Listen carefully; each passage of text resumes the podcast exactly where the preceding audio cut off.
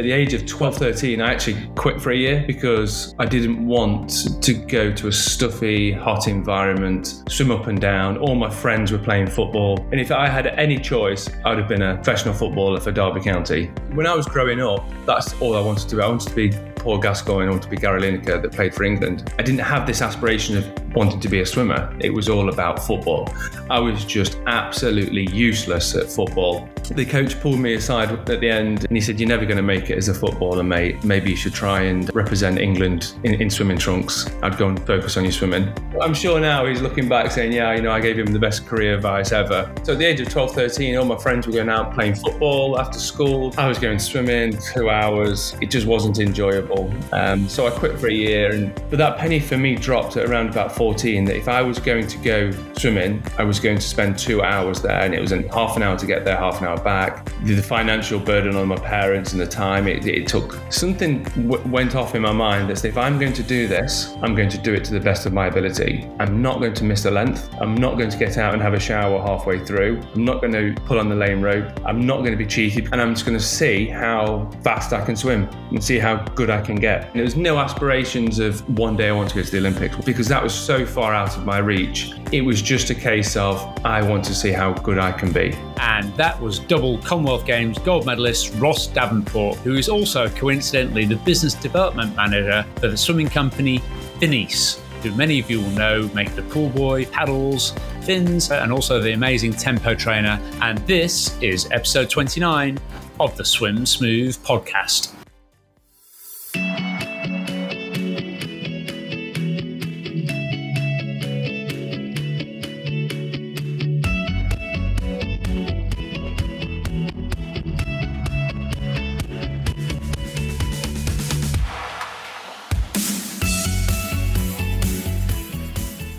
Well, welcome to the uh, show, Ross Davenport, double Commonwealth Games gold medalist, mate. It's awesome to have you here on the show with us today. How is your day looking today?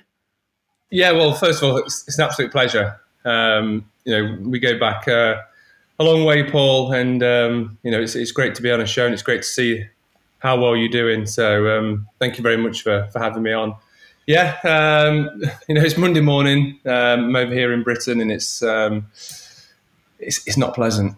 You know, it's a typical February morning, and I'm looking at you in Perth, very jealous. With you the, can see the, the beads of sweat rolling yeah. off my forehead at the, at the moment. I've got to say, Ross, I, I, I, mean, you know, you're probably gagging to be over here in this sort of climate. I, I would trade uh, places with you in an instant right now. Um, maybe not permanently, but uh, but certainly for a, a short while. So I, this has been a really really hot summer over here, and uh, and obviously I was just thinking back to when you won those uh, two gold medals in Melbourne. You've obviously got quite a bit of a, an affinity with uh, Australia, I would imagine. Ross, is that right? Yeah, that's right. You know, it's um, it's a place that we actually we used to come over quite a lot um, during our winter and your summer. Um, for periods of time, probably between you know, five to, to seven weeks at a time.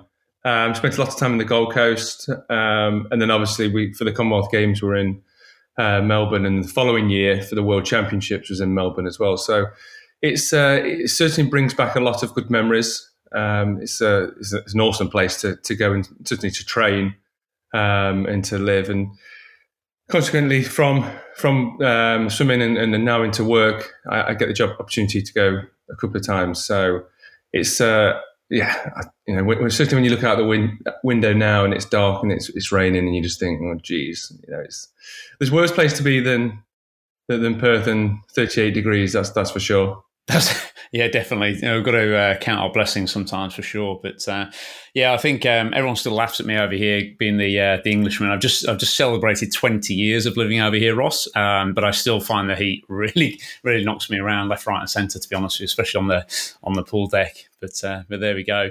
Um, when was the last time you were over in Australia? Then I think it was I think it was in two thousand and nineteen, just before the world turned on its on its head and. Um, yeah, I think, I think it was a couple of times that year as well um, in, in, Brisbane and, and, on the Gold Coast, and it's just I think for me it's the um, it's the out, outside lifestyle. Obviously, you have the, you have the weather majority of the year, um, but I'd, I'd get up in the morning mainly due to jet lag and go for a walk along the beach, and there's just hundreds of people just either walking, running, or doing exercise classes on the beach as the sun was rising. Um, come nine o'clock at night, everywhere's dead. Everywhere's you know everyone's in bed. Um, Literally, everyone's in bed at that point. Yeah. Of course, it's completely different over here. You know, it's uh, generally a, a, later start and a, and a, later finish in terms of when people go to bed um, or go out dining or, or, or, drinking in the evening. So it's just a complete different culture, and it's it's a nice lifestyle to have, especially if you've got young kids um, growing up. I think it's it's important to get them out. It's important to get fresh air, and um, yeah, especially when you there's a stat, isn't this? Into like ninety percent of the the population within ten miles of the coast or something stupid. Yeah, um, so everyone, very, very few people live in the centre. That's for sure. Yeah, everyone has access to water to, of, of, some some um, respect. So it's coming from that aquatic um, kind of background and, and growing up. It's, it's just nice to see that people are, are, are utilizing what you have in Australia. Yeah, definitely, definitely. Thinking about those uh, those kids and stuff, uh, you know, introducing to a healthy healthy lifestyle. I'm actually volunteering again this afternoon for um, every every summer season. I, I spend a couple of afternoons a week with the local school, teaching the kids how to swim uh, all four strokes and uh, just improving their efficiency in the water, etc. None of them are from a swimming background, uh, so it's always quite a bit of a challenge. We've got 50 kids crammed into two 50 meter lanes, and uh, you know, it, trying to keep their attention and keep them amused during that hour that, or hour or so that we're on the pool deck is quite quite challenging. Ross, tell us a little bit about your background getting into swimming. How old were you? And um, obviously, you're there from up uh, up in the north, like myself, up in Derby. Though, um, tell me a little bit about uh, about what it was like getting into swimming. Yeah, for me, I think um, I think when you hear a lot of people's um, journey, if you want to call it that, uh, into elite swimming, um, it's it's very similar in, in a lot of respects around the world about how people fall in love with swimming or, or fall into swimming. Um, and for me, it was, it was no different. It was, there wasn't any, um, you know, I didn't get hit by lightning one day and then all of a sudden became a, a great swimmer. It was a case of, um, at an early age, uh, my brother wanted to to learn, not learn to swim. My brother wanted to go to a swimming club, a really small swimming club um, in Derbyshire called Belper Marlins, and he was two years older than me. Always looked up to him. Always wanted to follow in his footsteps. Always wanted to do what he was doing. Um, so naturally, when he said he wanted to go to a swimming club, I said, "Oh, I want to go as well." And that was at the age of six. Now, going back a few years, we had um, always been taken swimming by my parents. Um, at the time, it was mother and baby, and you know we used to go to the pool, and it, that was um, more for water confidence, more for water safety than anything. Um, but there must have been something there, um, and you and you see it now, especially when you when you when you're coaching kids now, now you you just can see, even though that some swimmers haven't um, necessarily learned to swim, some people have the ability to to hold themselves in the water a little bit different than others, um, and they sit on top of the water a little bit more naturally, um, and are naturally a little bit more efficient. I'm not saying that can't be taught and that can't be um, improved throughout the years, but some people, in my opinion, just sit better in the water or on the water.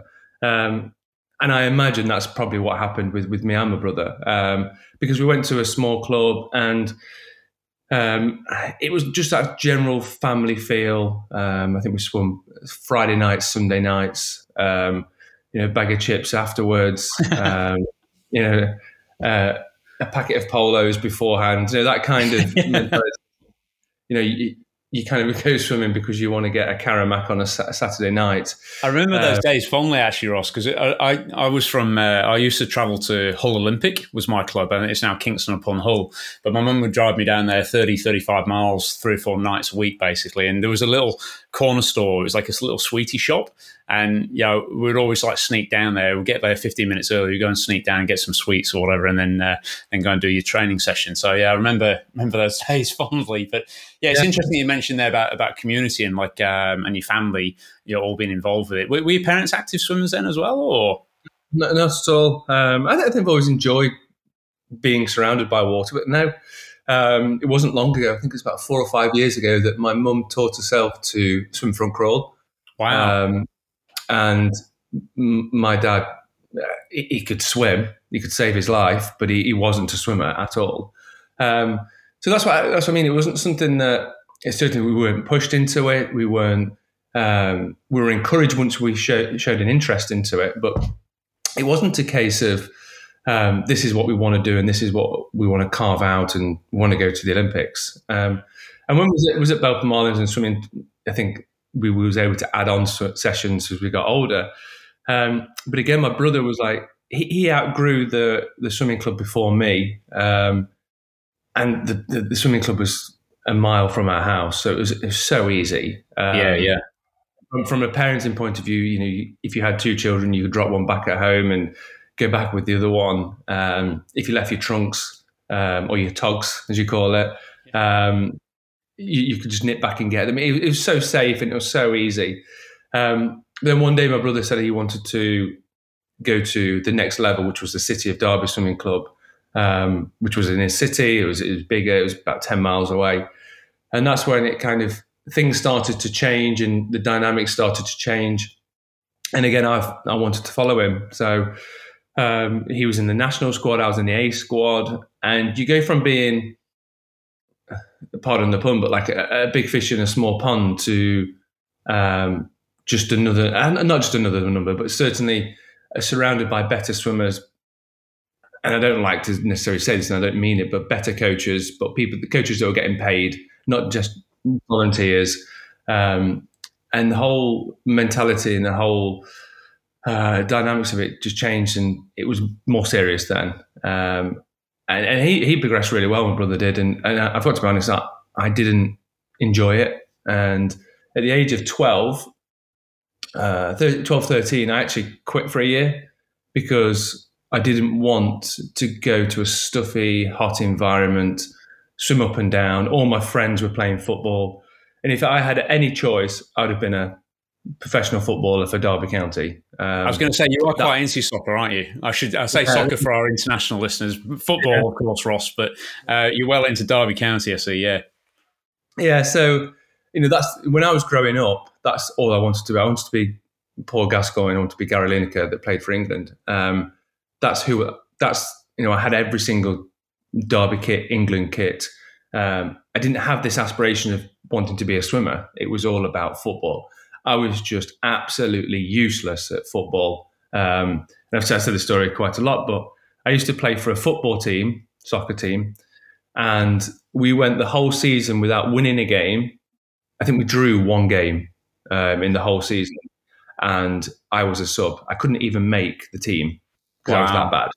And the I had my best training session ever, um, football training session ever, and the coach pulled me aside at the end and he said um, he didn't know anything really, but he just knew I swam. He didn't know anything um, about my swimming swimming at the time, and he pulled me to one side and said, uh, this is this is the worst team ever, and it's the coach of the worst worst team ever.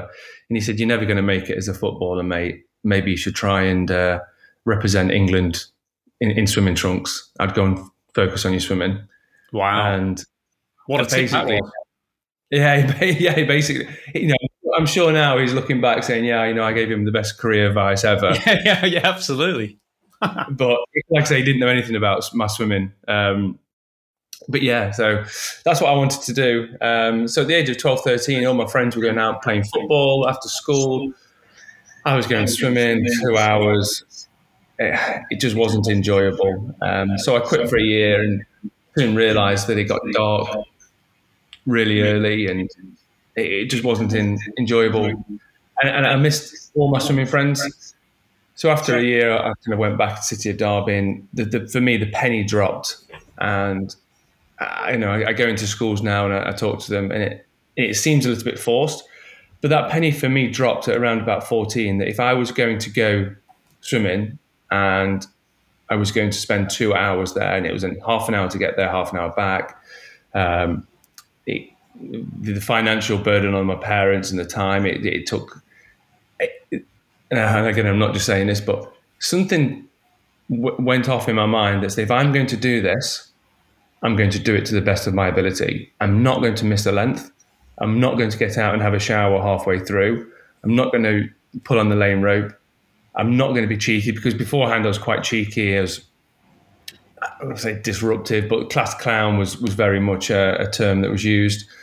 Um, and I'm just going to see how fast I can swim and see how good I can get. And again, there was no aspirations of um, one day I want to go to the Olympics, one day I want to represent, because that was so far out of my reach. It was just a case of I want to see how good I can be. Um, and like I say, I, I look back now and think if I didn't have that moment, then I wouldn't have gone on to to achieve what I achieved. Um, so I'm fortunate that I think I had that breakaway from swimming. It's fortunate that I had that moment where that penny dropped within myself, within inside myself. Um, and I was fortunate that I had a coach and, and parents that were willing to support me um, and willing to encourage me to to go on and push it the, to the best of my ability. That's amazing, Ross. That's ama- what a what a story that is. I, I think um, you know I, I, was lucky. Very much my my mum and stepdad supported me with my swimming career. I, I, was almost the opposite way around, really. In fact, I was actually rubbish at soccer and not particularly that great at swimming either. uh, certainly didn't make it onto the England team or anything like that. But I think um, you know the penny dropped for me a little bit. Probably was about fourteen or fifteen. Ended up getting into triathlon, and, and that was a much better thing for me to get into. I love the open water, um, love swimming, you know, in the outdoors, etc. And um, you know, it, it's amazing how these little little pointers, little wayward signs, sort of point you in the in the right direction. Did did you did you folks get to go out to Melbourne and watch you race over there? Yeah, so I think my my first. Um, so from the age of like 14 to 17 and one of the one of the, the biggest goals and and the biggest motivation factors for me is when I quit for that year, um, and I can't remember exactly, but my my time, my PB for four lengths front crawl short course was one minute um, 0.8, something like that. And my it was mainly my mum. She was she was like, you know, go back, go back swimming, go back to Derby, and just break the minute barrier mark because if you don't do it now, you'll never do it. You know, you you know, if you're not all, all of a sudden going to be become at 20 and just decide to, to rock up to a pool and do it. And said, you know, you'll always regret never going under that minute barrier mark. Um, so then obviously when I, when I went back, um, my PB was still the same. And I remember going to my first competition about three months later and going 57 seconds. And my mum basically turned around to me and said, like, you know, you've done it now. You, you, you can call it a day. Uh, and I remember saying like, no way, like this is this is now. I kind of got I kind of got that drug that the more I the harder I worked, the better I became, and it was just for me at that time. It was so simple that everything came together. I work harder, I swim faster, and it was just simple. And I know it, I know that doesn't happen to, with everybody. Um, but that was that was almost like this the secret formula that I was I was missing. Um, so then going going further on, um, I managed to make my first junior competition at the age of eighteen, um, in, and it was European juniors, and it was in Austria. And my parents, you know, they don't, they don't come back, don't come from a, a well-off family um, or, or background, so they actually decided to drive from the UK to Austria. And I, I, can't remember the amount of countries they went through. It was like eight or something. And they drive. They drove through and they, they, they turned up. They watched the swimming competition and they drove back. Um, and they had, and they still talk about it now, but they had the best holiday they've ever had. So from that moment, they were like, basically, wherever you go and swim, we're going to go and support you. and We're going to make a holiday around it. Um, so I was really fortunate that out in Melbourne in Australia that they managed to save up um, and they managed to to get over to Australia and they, they, did all the touristy stuff. I think they did it afterwards actually, but they, they came into Melbourne and they watched the, the competition and then they went off into um, up to the Whitsundays and everything and, and, made a holiday of it and came back three weeks later. So yeah, I'm, I'm really grateful that they were there for that that moment in in my career. It was just such a, an iconic is still, still the venue's still there, but there's 17 or 16, 17,000 Aussies um, in in the crowd, and it, I could pick out my parents um, 50 meters away. So it was it was it was nice that they were, they were, they were there to to share it. So Ross, what was it actually like being there at Melbourne and winning that 200 freestyle? Can you remember the feeling and how uh, you know what it, what it inspired within you at that point in time? Do you know what I um I remember watching the Commonwealth Games um, in 2002 in Manchester and watching Ian Thorpe break the world record, and well, just watching Ian Thorpe full stop, um, and just being so in awe of this this person that can just make swimming look so easy. Um, and he was untouchable in, in 2001, 2002, 2003. Um, and I remember, I just remember watching it and just thinking how incredible the Commonwealth Games looked. And obviously the Olympics in, in Sydney in 2000 um, as well and that's that's really probably the the Sydney Olympics for me was probably the the first time that I sat and watched swimming on TV, um, or certainly taking taking a a notice of, of, swimming. And there's a couple of swimmers that because I had actually gone to the uh, the Olympic trials um, in 2000 as a as a club relay team.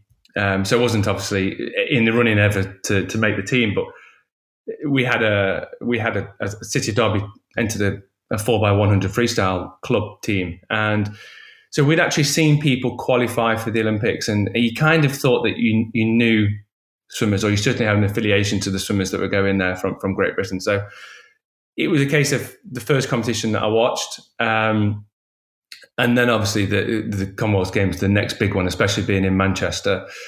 And then fast forward four years and you know you managed to to make the team and for the England team and, and, and be in the Commonwealth Games and especially being in Melbourne you know there's, there's no better feeling than jumping on a plane for 24 hours and being taken abroad and, and spending four weeks on the Gold Coast um, and then flying down to Melbourne it was just everything was just perfect um, you're in Australia you're representing your country and, and I remember the um, I remember it I remember certain parts really well, and the whole six weeks I remember um, parts of it, but the rest of it was was just a blur. Um, and, and, going back, um, going back a couple of years, I had managed to make the Olympic team in 2004, and we were part of the relay team. I was part of the relay team, um, and we actually came fourth in the final in Athens, and which was a great, was a huge op- um, uh, at the time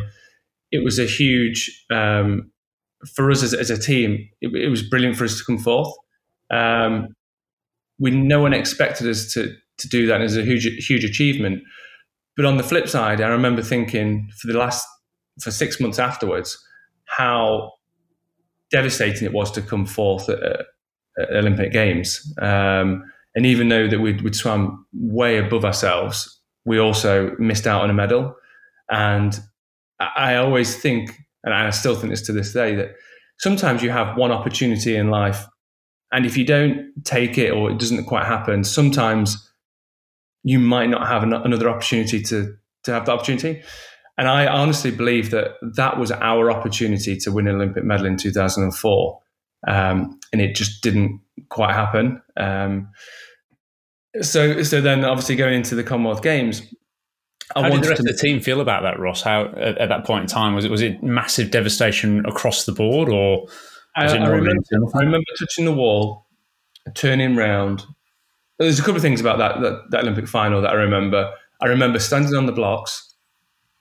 I was the fourth leg, and I looked to my right, and I saw Ian Thorpe, and I saw uh, I think it was Klete Keller for the US team, and I remember my fingers and my forearms going numb, and I was like, "Please no! Like I don't, I don't know what this feeling is." But it was, it was an open air pool in Athens. The sun was setting over the mountains. It was, you know, if you, if you, if you could create a setting, that was it. It was the birthplace of the modern Olympics. Absolutely. You're next to the greatest swimmers of all time, and I dived in, and uh, America and Australia were, were gone. Um, and we would we'd been told by our management team that I think we had gone into the final in fourth place, and they said basically you're going to come seventh or eighth. Go and enjoy it. Go and get some experience. And I remember diving in the four by two and doing two lengths. And I, at the time, I, I looked to my right and there's the Italian team because we are coming back. The Italian team was next to us. And I remember two lanes or three lanes over was the Canadian team. And I'm not the most, um, you know, education was not a strong point of mine, but I was like, well, there's two teams that have gone, and there's ourselves, Italians, and the Canadian teams that are next. So I was like, hold on a minute. We are now fighting for, for third place, and they've got 100 meters to go. And I remember thinking, for the five meters going into the wall at the 100 meter mark, what on earth do I do now? And I remember like shaking my head and thinking, what do you mean? What do you do? you swim as fast as you can swim. And I remember turning and just absolutely giving it everything down the third 50 and the fourth 50. And um, I felt like I was catching it was, and I didn't really, because I wasn't, I wasn't a swimming geek. Um, and it was actually I was swimming against Magnini um, and Brent Hayden was was the the other swimmer in the for the Canadian team, and I remember just thinking, if we'd had a couple of more meters, we would have would have got them, uh, the Italian team, and actually we came fourth. And I touched the wall and I turned around, and we'd broken the British record, and the British record had stood from four years earlier for a team that actually came fifth at the Olympic Games, and it was it was well documented because I was training with some of them at, during those last four years. But the, the British team in, in Sydney had missed a medal by one, one, one tenth or something. They came fifth, but it was a blanket finish for, for second, third, and fourth and fifth. And they were on the wrong end of it. And we just smashed the British record and came fifth, so uh, fourth. So for me, we took the wall, saw that we broke the British record. It's my first British record, first Olympic final. We'd gone in there people expecting us to come seventh or eighth, and we'd come fourth. We proved everybody wrong, and I was celebrating. I was like, "This is amazing!" You know, just come fourth in the Olympic Games, and it, it still is amazing. Um, and then we came round, and it was like we looked at the difference of the teams, and we looked at you know or little things like the relay takeovers, and you know, a couple of people could have done a little bit quicker on the third fifty, and it, just analysed it and just thought we we could have done that we could have done that, and it it it was not. It was probably two or three days later that we thought that was an opportunity missed, and it was a hard feeling. And four six months after, every time I went to bed, I replayed the whole race through. Wow! And it got to the point where I was like, I'm going to have to see somebody about this because it is it is on my mind. It, and I would, I'm not going to say I was, I was depressed at all because I, because I wasn't, but I was certainly are certainly at the point where we've, we've, we've lost an Olympic medal. And for somebody growing up in Derbyshire, in Belper, some really small town, you don't go to the Olympic Games. You don't go and represent your country in anything. And you certainly don't go to the Olympic Games and come back with an Olympic medal. Not many people in the world do come back with Olympic medal. Absolutely. So it was it was a, a real disappointment, a real sickener afterwards after being on this emotional high of, of coming fourth at Olympic Games and being there. And the British team didn't swim as a whole very, very well. Um, I think we won two two medals in the whole in the whole games, and that would have been probably we probably would have met expectations if we'd have won that medal. Um, so it's just there's just a whole lot around it that in in Athens they were still painting the railings four days into the competition They're still laying the grass at the closing ceremony. So, as an Olympic Games, it wasn't this awe inspiring competition where everything was perfect. The, the, venues were finished the day after the Olympic uh, the Olympic Games finished. Yeah. So it was it, if and I always I was thinking if, if that was if that was your only Olympic Games and you know, it's, it's amazing that you, you, can go to an Olympic Games. But if that was your only Olympic Games, it wasn't this um, iconic moment that you would always look back with fondness. Um, you'd be proud of your achievement, achievements, but there were so many things wrong with it. Um, so then, fact, that was a long, long way of getting there. But fast forward two years, the I was going to say it must have spurred you on for Melbourne, though, right? Yeah, it did. And I, I remember after that six months of, of going to bed, I, I, said, right, I've got to do something about this.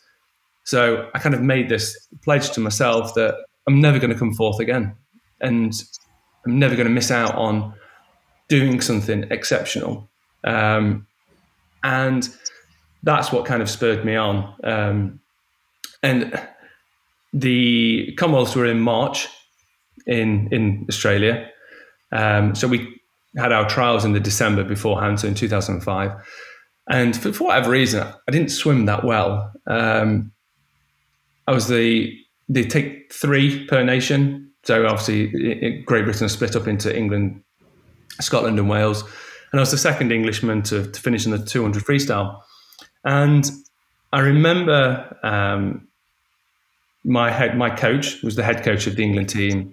Uh, would qualified for the relay, and I hadn't quite qualified as an individual. I hadn't done the qualification time, and he said, "Don't worry about it. There's there's three slots available. You're on the plane. You're going to do the four by two. You are going to do the 200 individual." I was, "Oh, great!"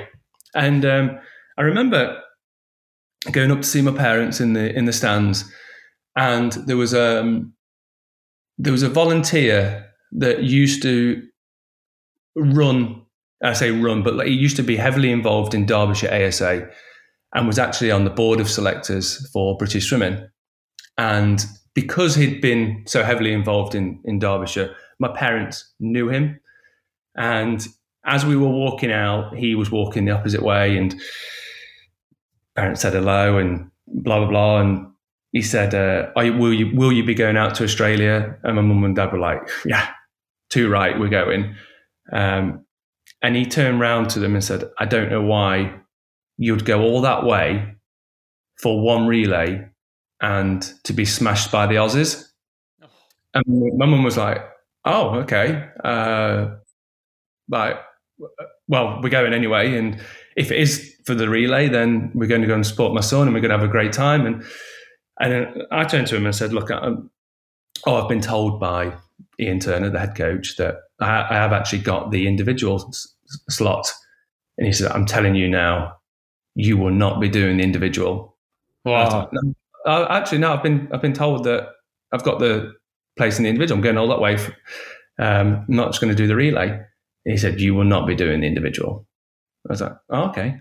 And like walked off and just thought, and you always get these people in life that just think they're, they're bigger and better than anybody else. And they run the show and a power trip and they've got the blazer. And, and I think my mum, my mum said, Are you going? He's like, I'm not going all that way. And that's when he said, To be smashed by the Aussies. Um, I said, Okay, fair enough. Um, so so I, I, knew that I would do the individual, not as an arrogant way, but I had been told. Um, and so it got to the day one of the competition, or day two actually. That I, I, I from the, t- the 200 individual, and I stand on the blocks, and my main aim was to was to go and to make an individual final because of the two years earlier that made the uh, Olympic game final as a relay. I wanted to say. Um, I've made the individual final at the Commonwealth Games, and I've, I've also been a finalist at Olympic Games. Okay, in a relay, but I'm still a finalist in, in the Olympic Games. And I was the first of the the, the seeded heats, um, and I was next to I think it was Wright Neithlin, and at the time I was ranked about ninth. Um, actually, I was eighth because Ian Thorpe had just pulled out. Um, so I knew that I had to do a great heat swim just to make the final. Yeah. And I remember just swimming, um, and I won my heat. I did massive PB, uh, but I won my heat, and I was like, hopefully that's got me in. And as I was walking around, I watched the the second seeded heat. Um, I think Rick Say won that one from Canada, and I think I beat him by like one one hundred. So I was like, oh, I'm pretty much not guaranteed to be in, but I'm pretty much in now. And then the next heat went, I can't remember who won that one, um, but it was like within a tenth of a second of what I I had done. Wow, um, close. Like, yeah, it was really close. Uh, but I was like, I'm, I'm I've qualified fastest for the for the uh, Commonwealth final. It, it, didn't it didn't have any pressure because I knew that I wasn't the fastest swimmer there. Um, and I remember going to to bed afterwards before the final, and I remember closing my eyes uh, And I thought, if, if seven people have a bad swim and one person has a good swim in, in myself, there is a small chance that I could come away with a bronze medal. And I, I thought, this doesn't happen to people from, from where I'm from. They don't yeah. go to the Olympic Games. They don't go to the Commonwealth Games and come back with a with a bronze medal in, in an individual.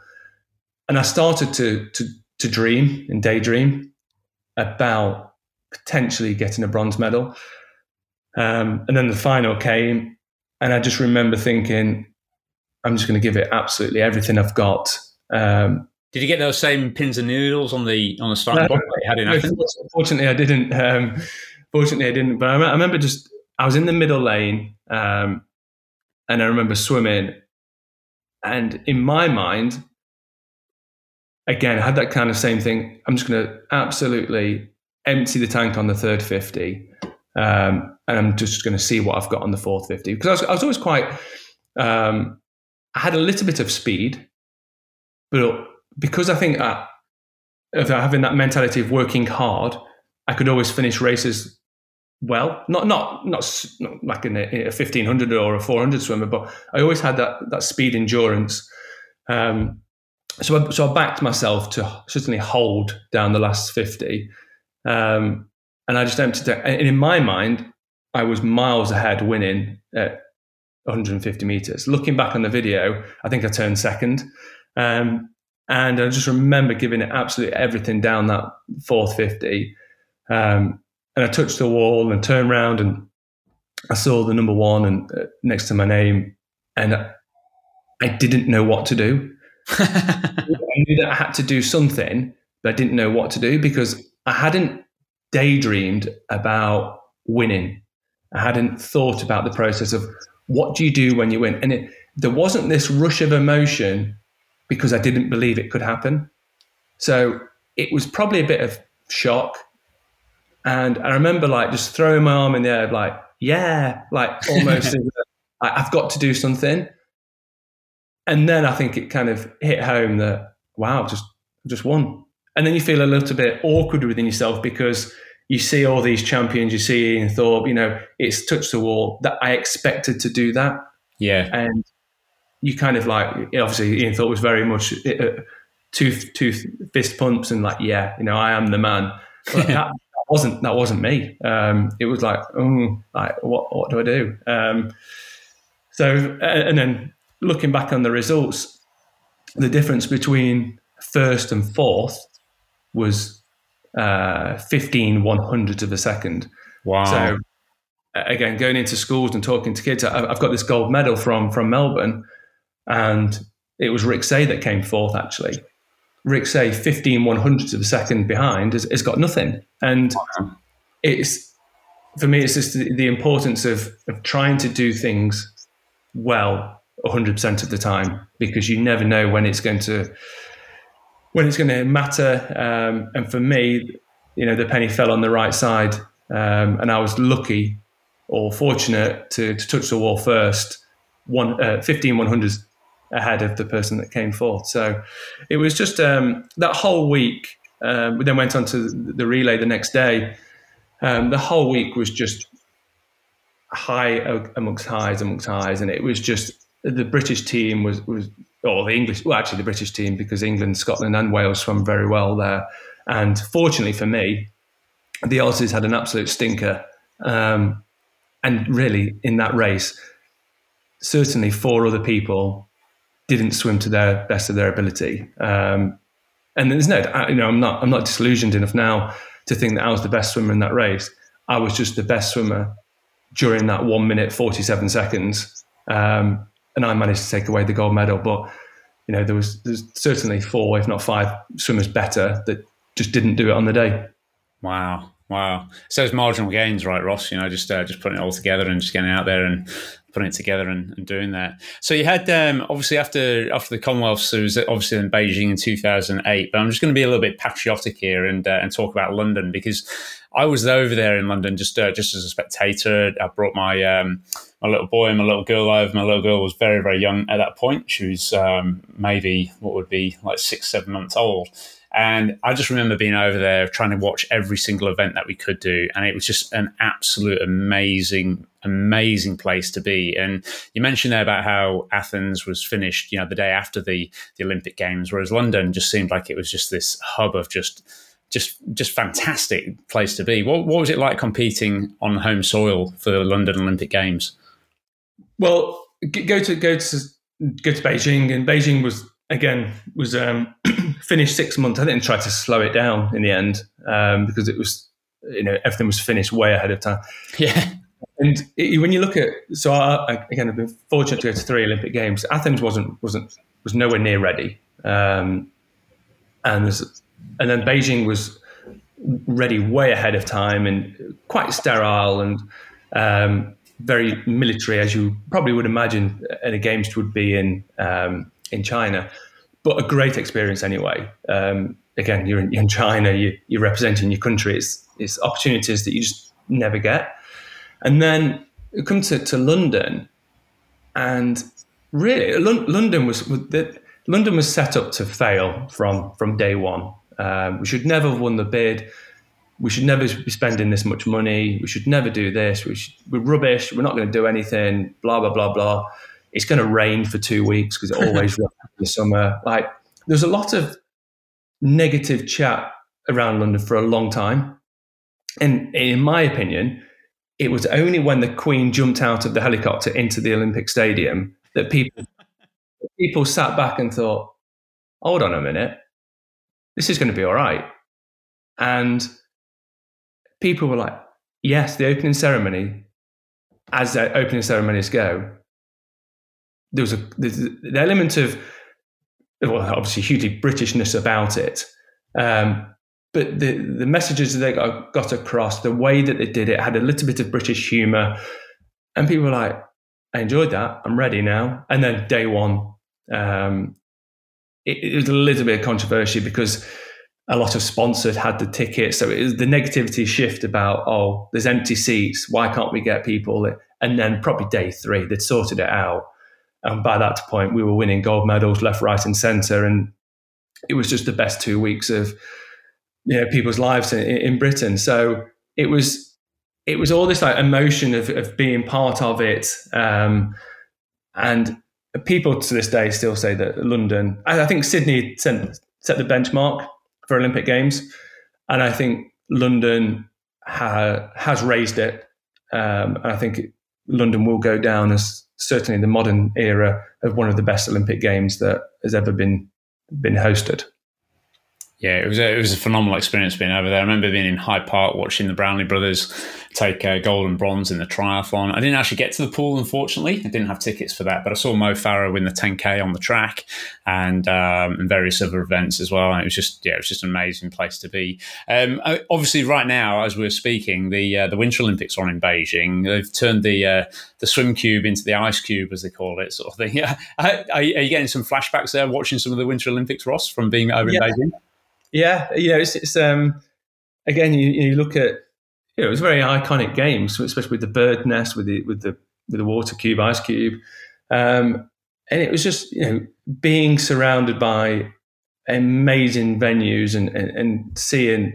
I think I think Olympic Games are just inspiring anyway. Um, and watching the winter England, uh, winter Olympic Games, it's just you know just you watch things that you would never watch and you become an expert for that time because I'm very biased, but I think the BBC commentary is, is very good um, and, and, they do educate you.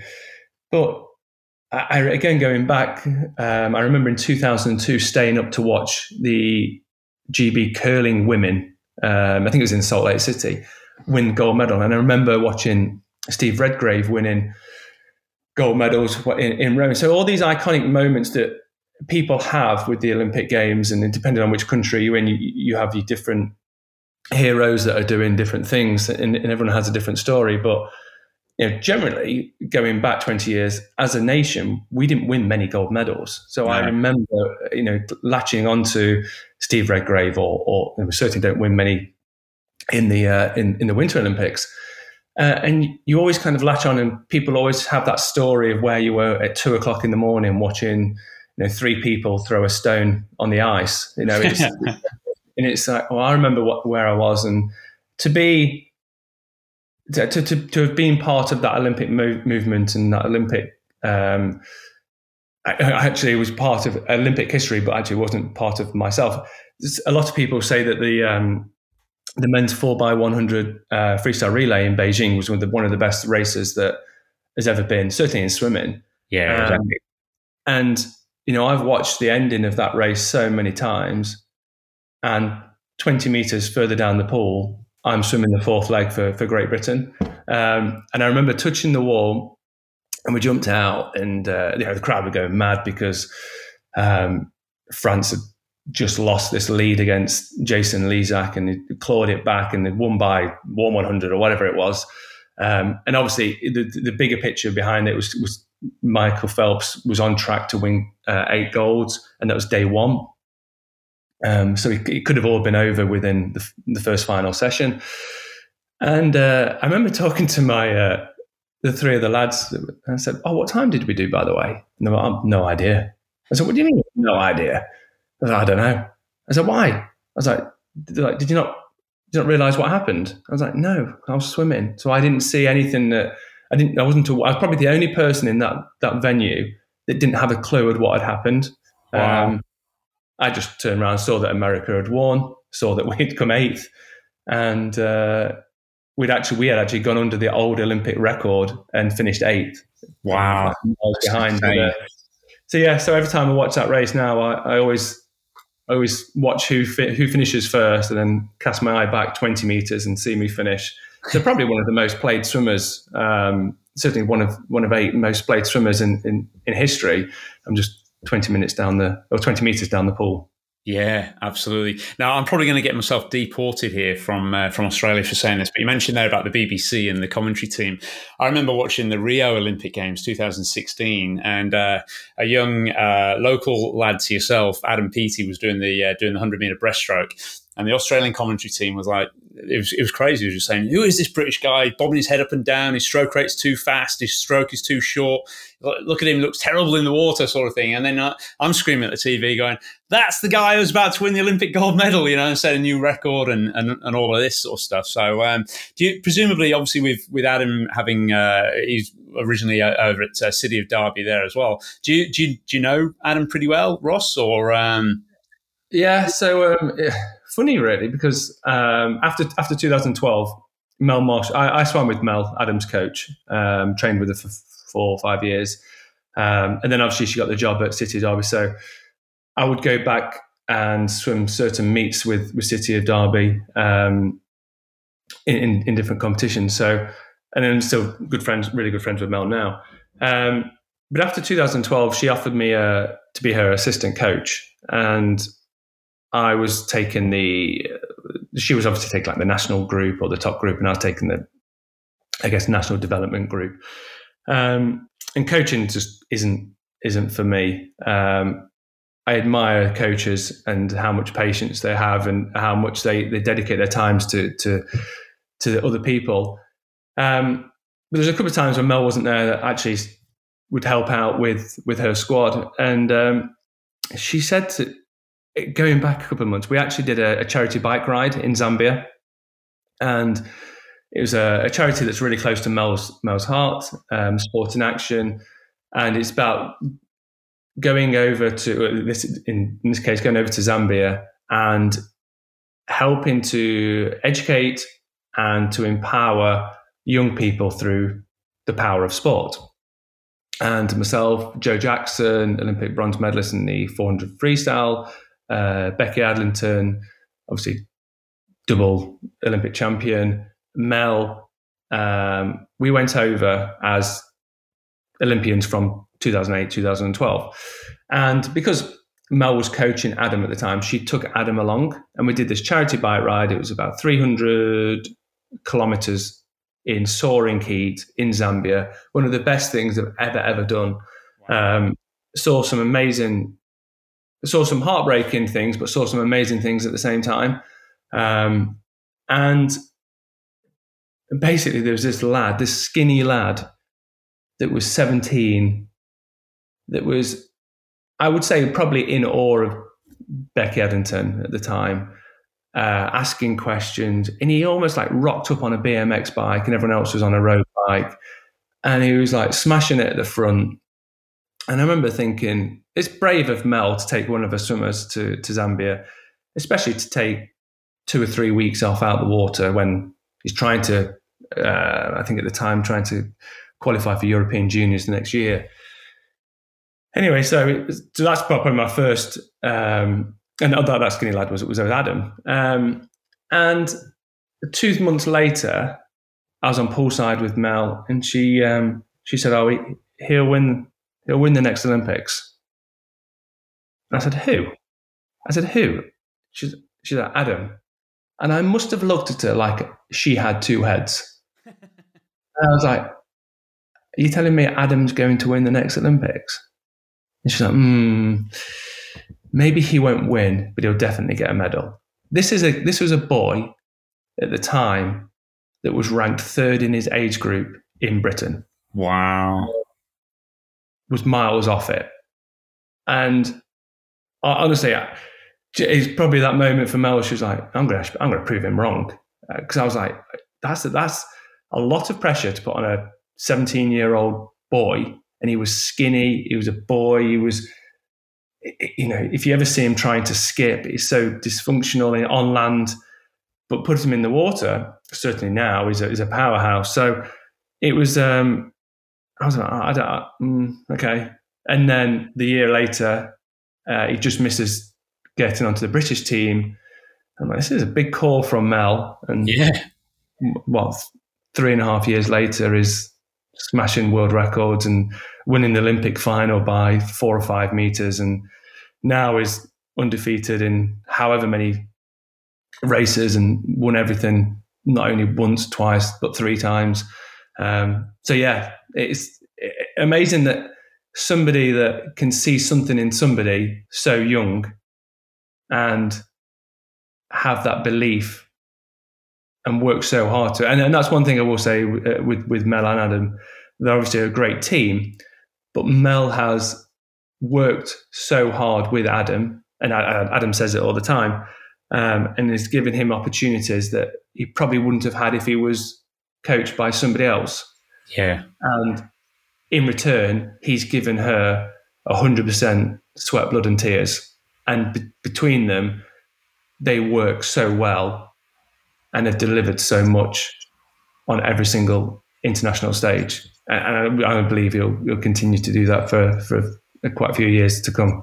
Wow, that's that's that's crazy. So um, obviously, you mentioned there that um, coaching wasn't really for you, but um, tell us a little bit about uh, what you do now as an international business development manager for the swimming brand Finis. It's obviously a, uh, a, swimming coaching, sorry, it's a swimming equipment company, I should say, which is very close to my own heart. Um, ever since I got into coaching twenty odd years ago, I've been using Finis equipment. I think it's absolutely fantastic. Um, tell us a little bit about what what a day to day role or your day to day role involves, Ross, and uh, and what has it what has it been like working with John Mix and his team there at Finis?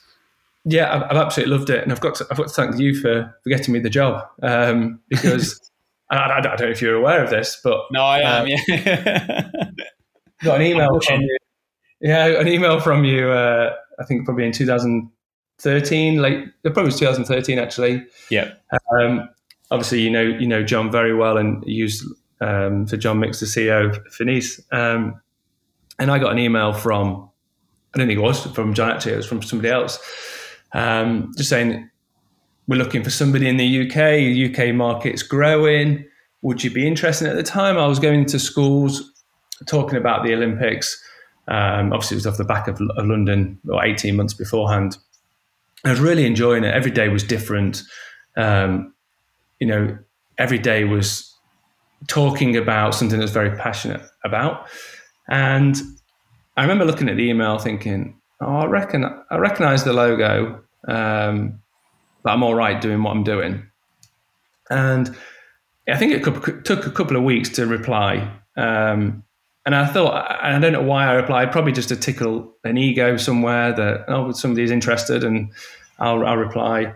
Um, and I replied, and we had a few Skype calls at the time. Zoom wasn't around. Um, and it was it was all it was nice, friendly chatting, and you know we were talking about swimming, and, and obviously the passion.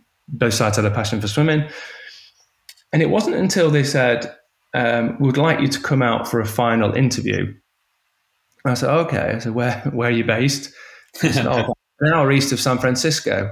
I was like, "Oh, I can do that." Yeah. I went out for an interview. Um, uh, really, and I've told John this many times, but I, went out thinking, I'm going to go for my interview. And if I'm not, I'm happy with doing what I'm doing. And um, no pressures, own boss, self-employed. You know, everything's everything's great for now. Um, and if I don't like it, I can just say no. And I've gone to San Francisco, and it's great. And actually, I paid for for my family, and my daughter was eight weeks old at the time, so we flew into LA. We did uh, Highway One. You know, spent two weeks in America. Um, and actually, it went from the interview, which was like a, a day long, or not a day long, but it wasn't out of two weeks. It was, you know, a couple of hours. And um, I said, "Yeah, I'll, yeah, I'll, I'll, do it. And if I don't like it, then we can always just part our ways." Eight years later, I was going to say, um, nearly a decade later. eight years later is, is the best. Is the best. Is, you know, and again, people always tell you these things. You know, a lot of people can open doors. It's it's the individual that has to walk through it. Yeah. And you know, you've got to take your opportunities. And going back to that Olympic final in 2004, that was probably the opportunity that for us to win an Olympic medal. Um, so I, I kind of look, I kind of feel a bit smug that I took my own advice and took this opportunity because eight years later, um, I'm still connected to swimming without having to get wet. I'm still, I'm still passionate about swimming. I understand the products. We used a lot of the products um, as we were uh, certainly growing up and and in the international um, team. So it's I'm not saying it's easy, but it's easy to talk about and easy to honestly give feedback about products and to talk to uh, retailers or talk to swimmers or talk to coaches about the benefits that using a certain product or a certain way of doing things can actually help you swimmers.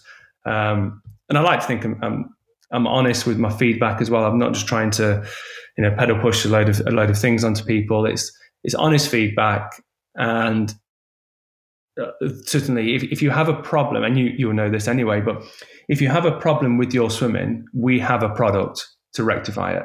Absolutely, and absolutely. That's, the, that's what separate, in my opinion, separates us from from other brands is yeah, okay, we can be quite niche, and if you if you lift your head up in out of the water too far, we have a pro- we have a product product that will give you that feedback to drop your head. Yeah. Um, so you're not saying everybody needs to go out and buy every single pro- product that we have because you'll turn up on pool deck with with a shopping trolley. but there is it's about identifying your weaknesses and, and trying to turn them into strengths, and we have a product that would help support that. I think that's one of the things I personally really like about the company. Uh, I do find it to be offering very, very innovative products. Um, I've always found that ever since I got coaching 20 years ago. And a lot of people over the years have said to me, you know, why don't you stop X brand or this brand or do that and just capitalize on that and stuff? And I said, well, because Finis offers the products which I know help to correct the things that I see on a day to day basis, and they all make sense. And that's what I that's what I love about them. And I got in touch with John uh, John Mix uh, directly, probably in around about 2010. So we started a little bit of a conversation, and it was driving across America in 2013. So it had been June, just after I swam around Manhattan Island in New York, and um, John invited me to Livermore, which is obviously where you had went and had your um, interview, and and I wasn't sure either what to expect. He said, "Come over here, you can run one of the clinics." So we ran a three day coaches course over there, and I just remember walking into this building. There's like 45 full time employed staff who all have a very high um, experience level with swimming. There's just like this buzz of like young people who are great at swimming who really understand the products. And I was like, how cool is this? Absolutely amazing. You know, he was showing me his first 3D printer and all this sort of stuff at that time. And, and it wasn't long after that that he, he he dropped me a line and said, "Do you, do you know anybody who might be able to help with our uh, like European and UK um, um, systems over there?" And, and I said, "Well, funny enough, I actually just met this guy called Ross, uh, and I, I actually met you through um, through HUUB wetsuits, which was just starting yeah. at that same point in time up there in Derby, and Dean had um, very kindly got you to come along and do a little demo at a, another one of our three day coach education courses, and I just thought." John, I've got just the man for you. So I'm really pleased, Ross, that it did turn out that way, sort of thing, you know, and and uh, you know, you took that uh, took the opportunity and, and, walked through that door, as it were. So, so that, that's um, that, that's amazing. So we're, we're at uh, in terms of um, uh, we should probably uh, wrap up fairly shortly. So I've got to go and take these little kids, and believe it or not, we will be using some of the uh, some of the flippers down there on the pool deck with the with the kids this afternoon. Um, I'm quite keen to know. You mentioned there that you don't have to get wet, but Ross, do you still get in the water? Do you still swim a little bit from time to time, maybe with your daughter and that type of thing? Yeah. So obviously, the, the last two years has been um, hard to get access to, to pools, certainly over in, in the UK and in Europe. Um, but it, it probably took me about seven years, and in that seven years, probably swam ten times. So wow, like once a year or and, and mainly because of because of demonstrating products. Yeah. Um, and then actually signed up to do an Ironman distance triathlon. That was the Outlaw, was that right? Yeah, the Outlaw. Yeah. Yeah. Um, yeah. And I got injured. It, I deferred it. The pandemic. So it, this thing was going on for like three years. Um, and actually got back into swimming. And now I try and swim three, four times a week. Wow. Um, and it's it's really it's really hard to to see your times now. Yeah. And what they used to be like. And I always think you look back on I, I always look back on the best ever training session I ever did. Yeah. I think that was the norm. Um, so I, I, don't know, do a time now and like, oh, I, I could hold that for 20 times. Um, yeah, I probably did it for 12 times. Um, and the other eight were probably falling off a cliff. So you, you do look back and you do think it was a lot better than you probably were. Um, but that's the that's been the hard bit is to like re recalibrate and, and just get and re um, clear the decks of when you touch the wall. That's the new best time you've done in training. And I don't train. I don't train to compete now. I just train to keep fit. And um, it's it's just for me it's one of the best things I've done in the last couple of years is to get back into swimming and to get back into some kind of swimming shape. I may do a couple of K a day, um, or certainly for three or four times a week. So it's not it's not a huge amount, but it there's something. I really love it. Yeah, I really love it. And I think one of the biggest thing about swimming, and I've always said this, but swimming gives you that feeling of obviously you come out and you smell of chlorine, so you feel clean anyway. Yeah. But mentally, you feel cleansed. Now, I know there's the whole endorphins that when you go out for a run or, or whatever, and, and I do do a lot of running. But when I go out for a run, I'm so fixated on how hard this feels and how hard it is to run and, and how I need to put one foot in front of the other that when I come back, I'm mentally, yes, I've got this, this, this rush of endorphins, but mentally I've been on the go for an hour thinking about what I'm doing or, what I need to do. Whereas when I go swimming, I can switch off and I feel cleansed and everything goes a lot slower and I think a lot slower and, and I get out and I smell clean and I feel cleansed and I, I don't get the same rush of endorphins as I do if I was to go swimming. Um, and I, I, just think it's, it's you're weightless. Everything about it is just, there's no other sport, in my opinion, like going for a swim and and feeling um, that feelings after you do after you got out. And, and how has swimming helped you over this last two years? Because obviously we've all been affected by the pandemic in various ways, etc. But like, has it helped you personally in that regard? Like just being able to sort of escape and um, you know melt away, as it were. Yeah, yeah, it has, and, and exercise has um, you know, especially in the hard lockdowns of a, probably a couple of years ago when you could only get out once a day, it was like, well, you've got to make the most of this. Um, you've got to be, and then, you know, it, it's, it's been tough for everybody. Um, I think we, from a, from a family point of view, we've done okay. Um, but it's been really hard. And I think we've, we've got away with it. And so there's people out there that have had it really, really tough and really difficult and really struggled. Um, and I really, I really feel for for many people out there. And I think exercise is one way that can help you feel better. And I think we just need to appreciate what we have on our doorsteps. And your doorstep's a little bit different to my doorstep, but I do have a pavement and I do have the ability to go and run around the block or run around the streets. The streets. My pavement's um, a little bit hot at the moment, Ross. I certainly won't want to be doing that barefoot. but I, I, get what you're saying, absolutely. Yeah, for the last for the last two years, I, I think it's been a reset button, and you understand what is important to you, and a lot of things that you took for granted for, over the many years just growing up. That, that's what you do, and yeah, we've got all this countryside, or we've got the the beaches, or whatever it is that that people have on their doorsteps, or an hour drive away, whatever it is. Um, and I think that's that's the only good thing that has come out of, of, of all of this is people hopefully appreciate what they have and because it has been taken away for, for so long and including family. Absolutely, absolutely.